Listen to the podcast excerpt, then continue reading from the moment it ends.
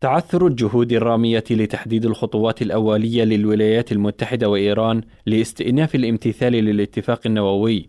ورفضت إيران مقترحا أمريكيا يتضمن خطوات الإفراج عن أموال إيرانية في كوريا الجنوبية مقابل أن تتراجع إيران عن خفض تخصيب اليورانيوم.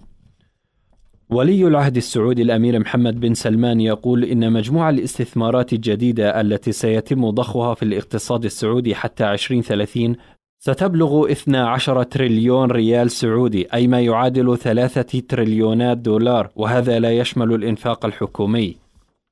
رئيس هيئة قناة السويس أسامة ربيع يعلن أنه لن يسمح لأي شخص بالنزول من سفينة إيفر جيفن أو الصعود على متنها لحين الانتهاء من التحقيقات التي بدأت اليوم. وذكر أن التحقيقات في حادثة السفينة الجانحة سيستغرق من أسبوع إلى عشرة أيام. لافتا إلى أنه سيجري خلال هذه المدة عمل فحص كامل للسفينة. كانت هذه أهم أخبار العالم العربي والإقليم. كنت معكم رمزي تلاحمي.